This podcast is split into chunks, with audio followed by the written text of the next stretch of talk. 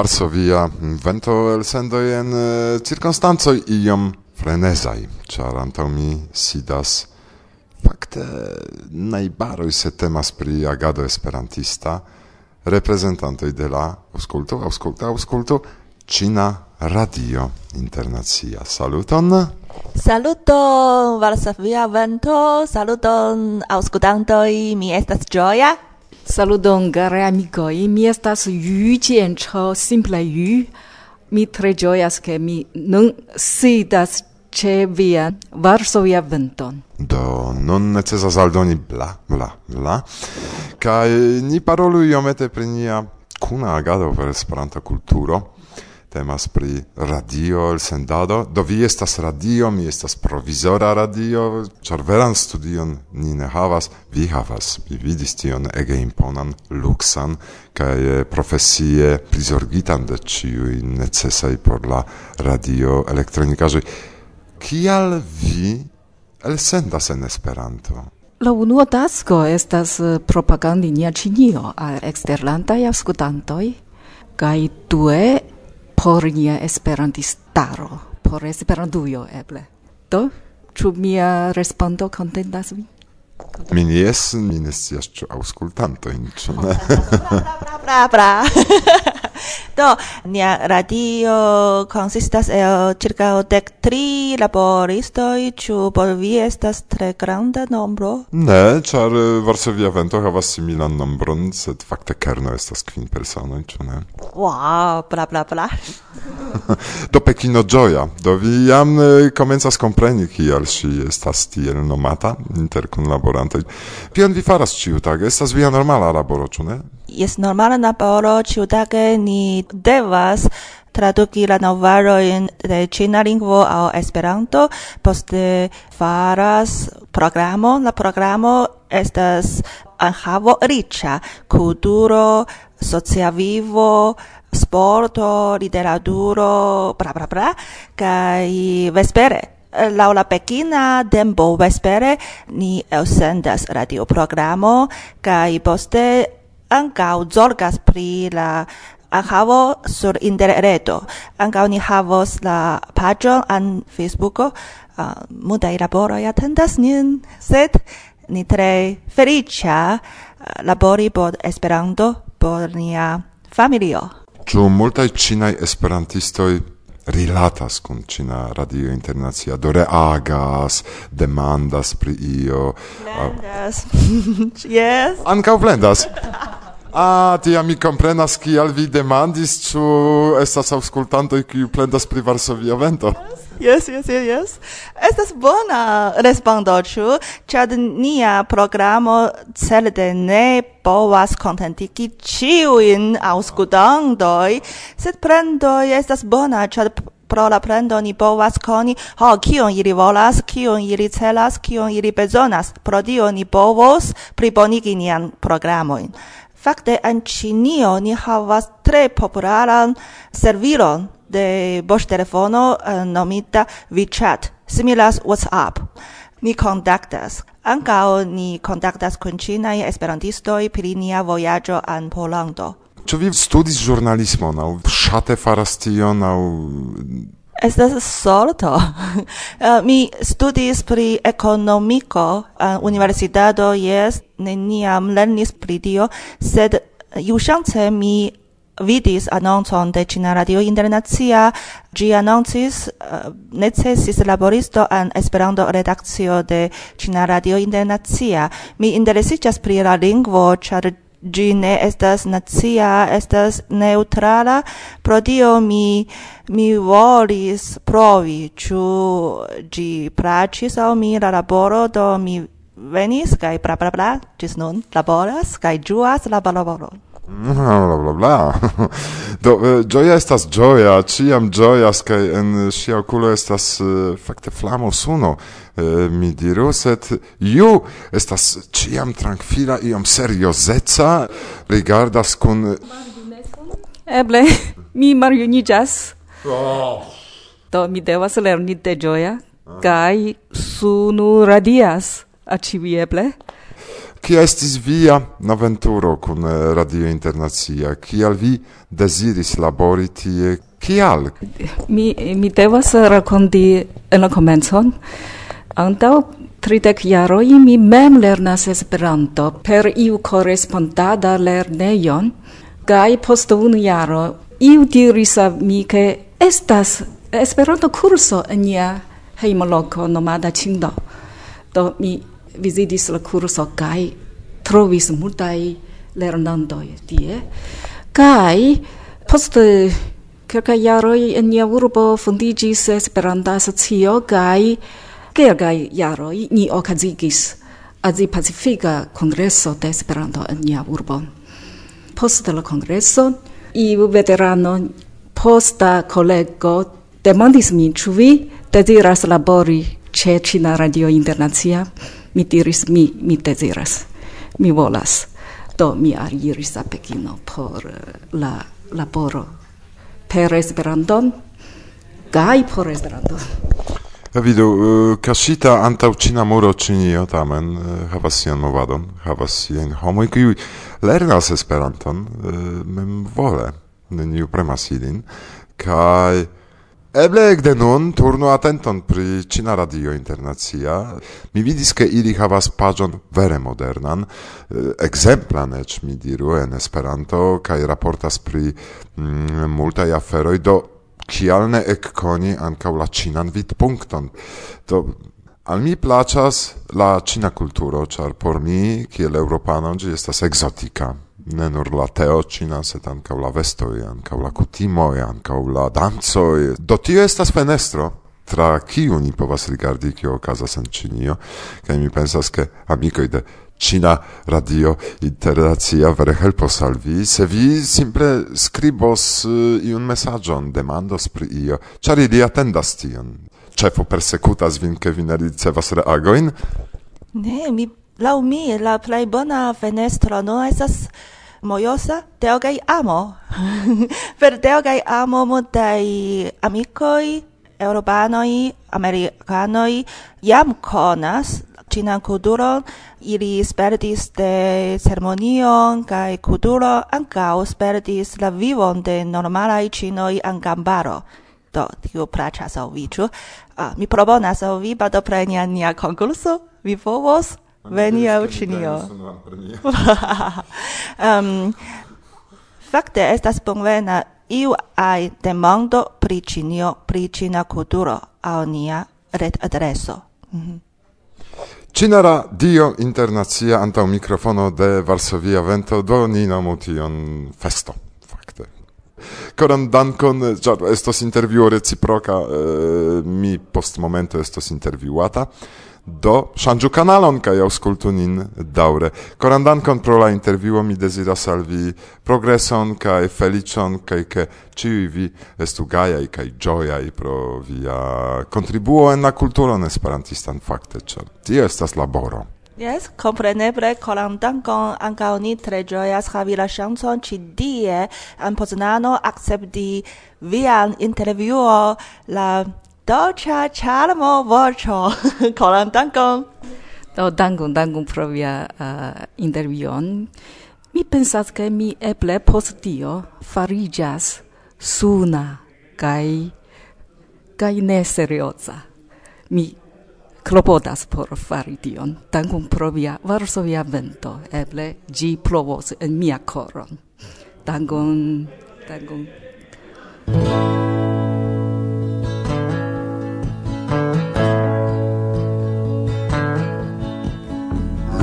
universo ja sen limas exter la imag Krom en revoj kiu lulas Nur poetoj veron tuŝas sed kun forta pag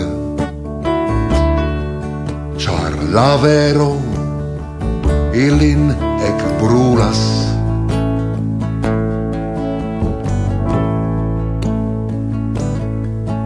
Raceroi jam nun ex modas, restas sen compens. Sur picil de la roso de vent, cae baldao Viaggios vi rapide pli ol pens.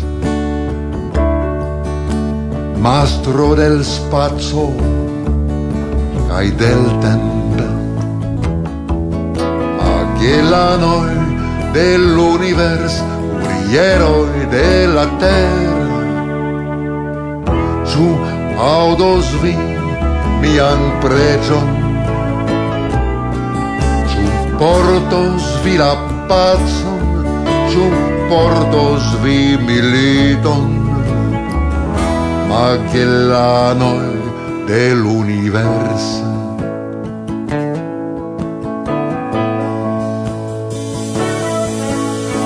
De esplorada al conquero cul dio cai la legge. Ya detalo en nia kroniko kaj oni detruis rabis vendumis nome de la reĝo kaj ankaŭ nome del respubliko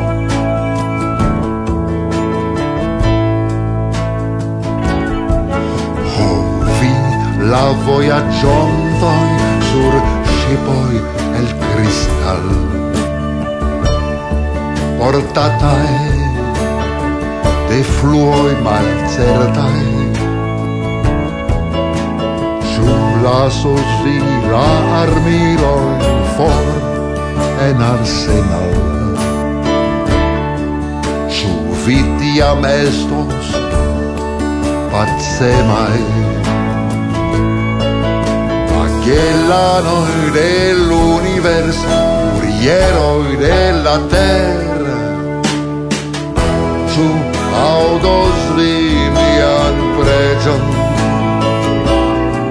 su portos vi la pacon, su portos vi militon, ma che la dell'universo, portos vi la pacon, ĉu portos vi militon. Magellanoi, de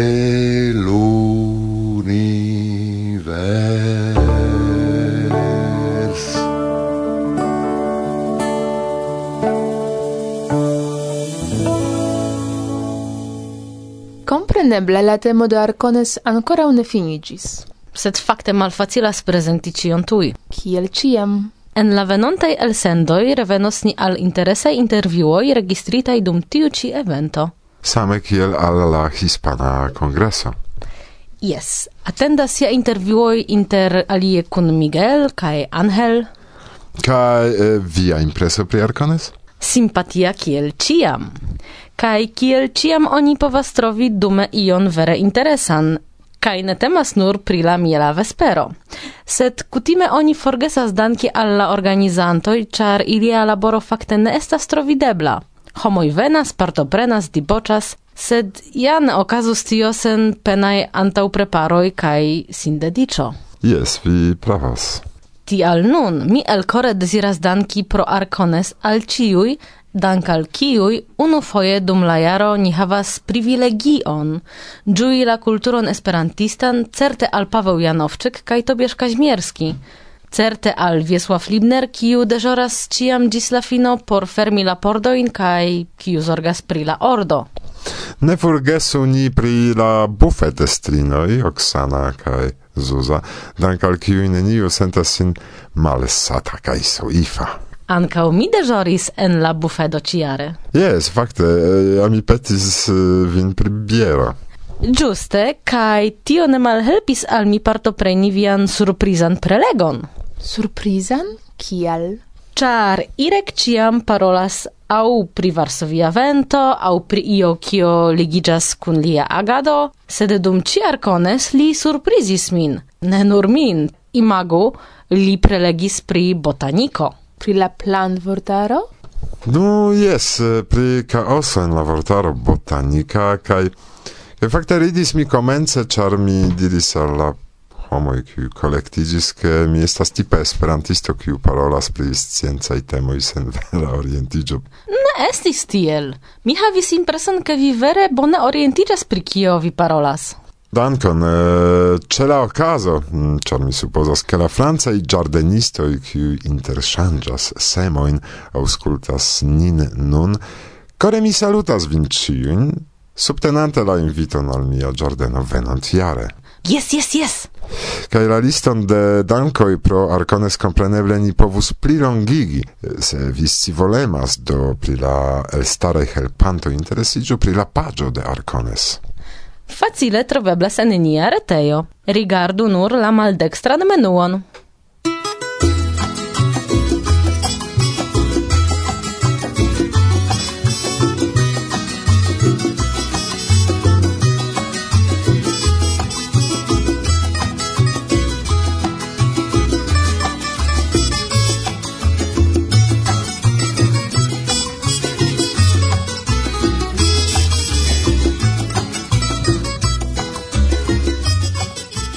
Saluton, mi estas Ana Manero, kaj invitas vin al angulo de Miguel Fernández. Mi comenzu per lirica musica laudo, ne al grandai temoi, sed al la malgrandai aferoi, en kiwi ofte scintilas pleia poesio. En 1971, la cataluna cant poeto Joan Manuel Serrat lancis canton nomatan aquellas pequeñas cosas, tio estas tiwi etai aferoi, quiu farigis emblema himno al tio simpla, modesta, nerimarkebla, sed facte essenza en nia vivo. En mia esperanta versio tiu canto nomillas etai aferoi, cae gi sonas iene. La teksto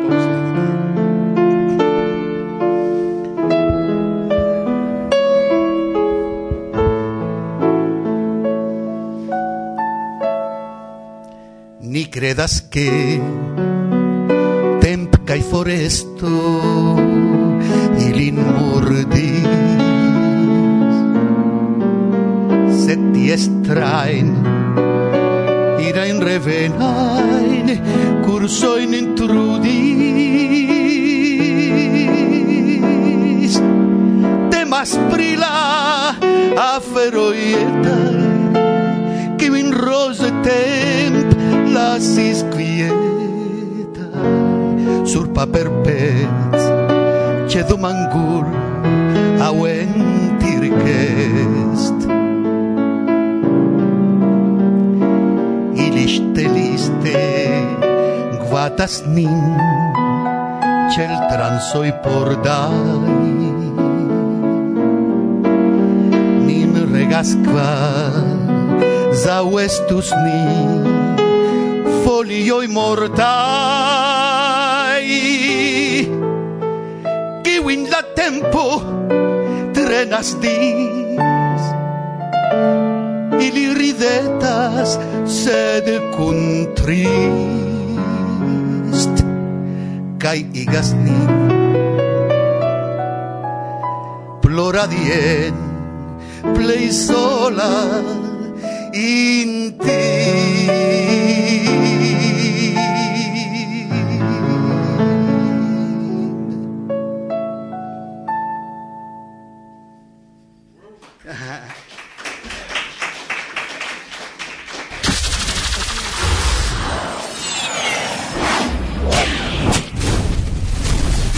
Varsovia vento.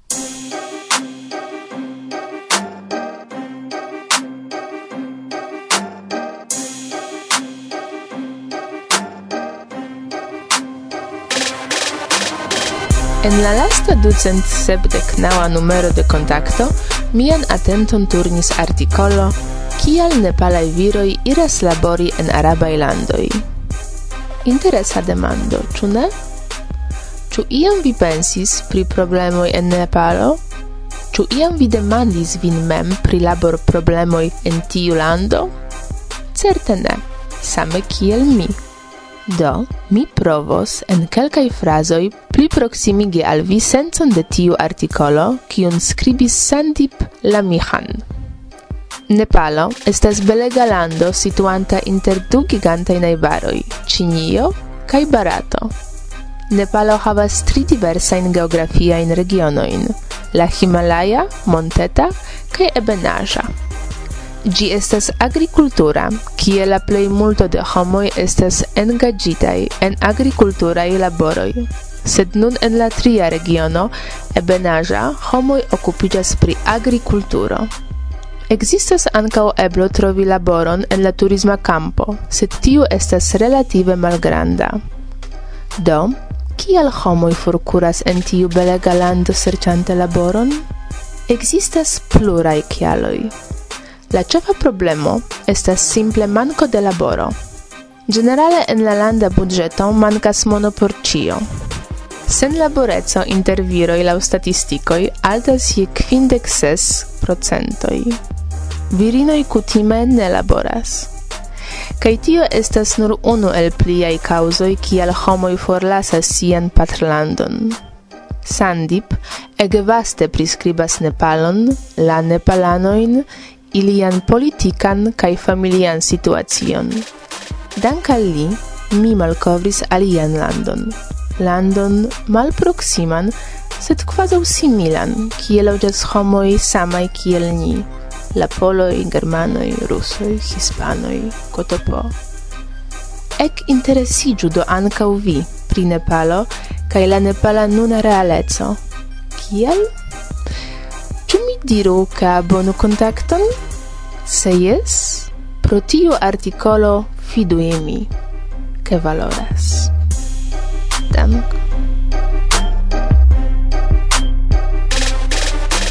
Saluton. Articolo kiun mi legis diras pri aktualaj iloj utilaj al esperantistoj, kiel Amikumu kaj Duolingo, kaj pri bezono de novaj bonaj vortaroj. Lau mi, la plej grava frazo de tiu artikolo estas Gravas ke, kiom eble pli ofte ne esperantistoj vidu Esperanton en tute ordinalaj lokoj en la reto. Tiu penso ne estas unusola interesa en tiu artikolo. Pro tio mi rekomendas legi la tutan artikolon en la teknologia generacio. Lige kun tio mi volas diri, ke se ni intencas propagi Esperanton, bone estus do. Paroli publike, prezenti niajn hobiojn, krei novajn ilojn, evolui niajn firmaojn, ĉio en Esperanto. Se ni faros tiel senĉese, tiuj aliaj rimarkos nin. Se rimarkos, interesiĝos. Ni agu do. Ĝis!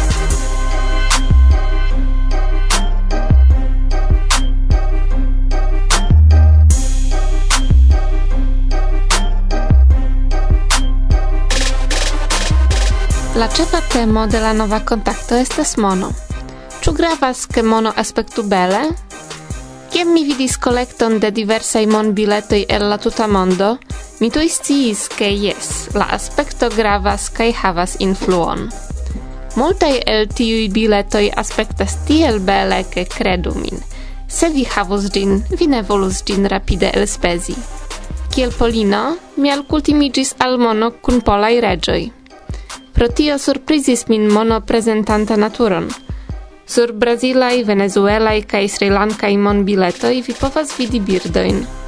Se vi deziras trovi papilion, serĉu monon de Kostariko. Foje aperas ankaŭ pli grandaj bestoj. Sur sudanaj monbiletoj vi trovos bovinojn, kaj sur la ĉinaj nestas surprizo, drakon. En la collecto de mon biletoi en contacto vi trovos anco aliein interesajoin. Exemple, ĉu vi divenos, kiom da dolaroi oni povas havi sur unu monbileto? Al tiu kai aliaj demandoi vi trovos respondon en la nova kontakto. Dankon!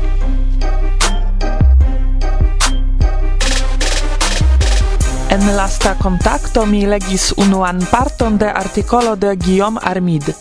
La ci parto nomigas mono, ĉu neutrala lingvo? Unue la autoro prescribas du teorioin, kiel mono aperis en mondo. La konata teorio estas, ke unue homoj interchangiadis varoin inter ili, poste ili usis mal oftajoin kiel concoin, poste ekzemple maloftan oron, poste nur paperajoin, sur kiuj oni skribis quanton de posedata oro, kai poste nur paperajoin pri kies valoro oni interkonsentis. Ĉu vere estas tiel? De la articolo vi povas ekkoni frankon uzitan en dek kvar landoj en Afriko kaj funkciojn de mono. Finfine la articolo donas malĝojan konkludon, che la maljusta sed nuntempa cefa funkcio de mono estas speculatio. Mi citu. Mono havas nun neniun fizikan existon.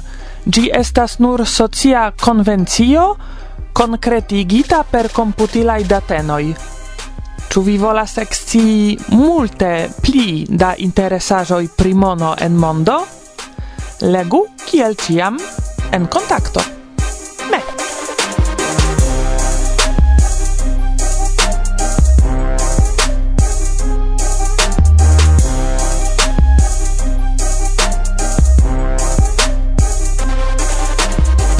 En tiu numero de contacto mi trovis tiom da bonaj artikoloj, che mi decidis diri kiel valoras legi la tutan revuon. Unue, Ĉu vi scias, ke nur 2% de la monoutligado en la mondo iras por interŝanĝi varojn kaj servojn, kaj eĉ naŭdek ok procentoj por spekulacii? Do fakte nia nuntempa ekonomio evidentiĝas giganta casino. Pri tio skribas Guillaume. Doe, kio estas en la monbiletoj kiujn vi uzas? Ĉu vi rimarkas kio sur ili troviĝas? Estas multe da landoj kiuj anstataŭ historiaj aŭtoritatoj prezentas bestojn.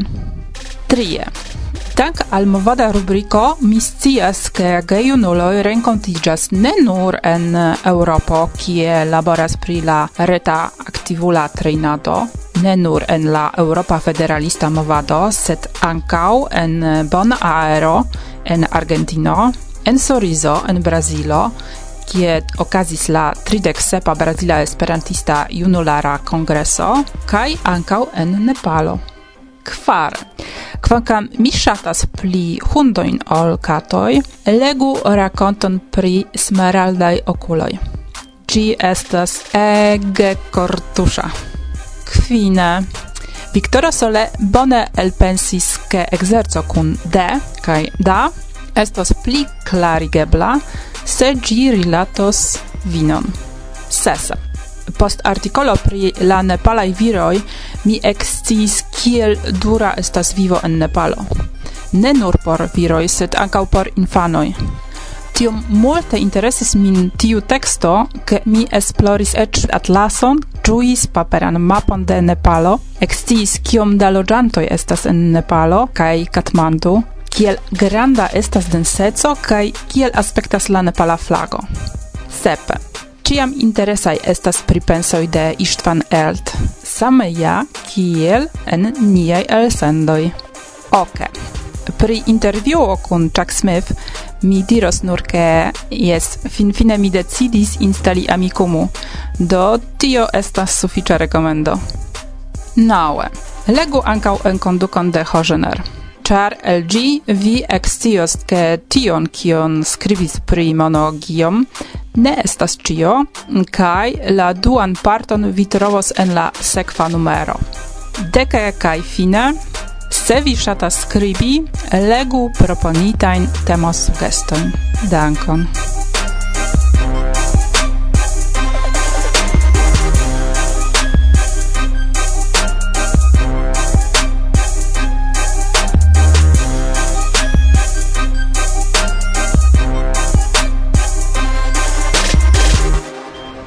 Saluton, mi estas Jorge Camacho, mi intencas veni al la junulara Esperanto semaino en Szczecin jarfine.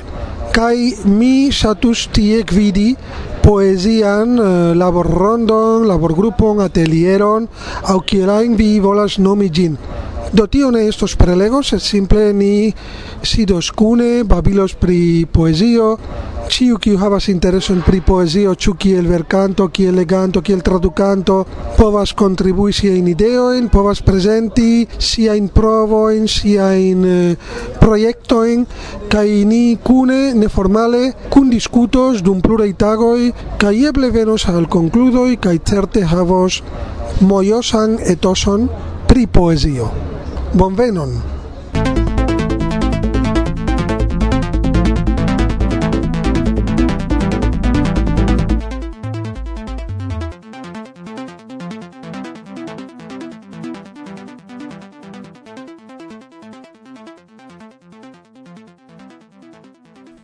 Varsovia Vento! Bla, bla, bla. Bla.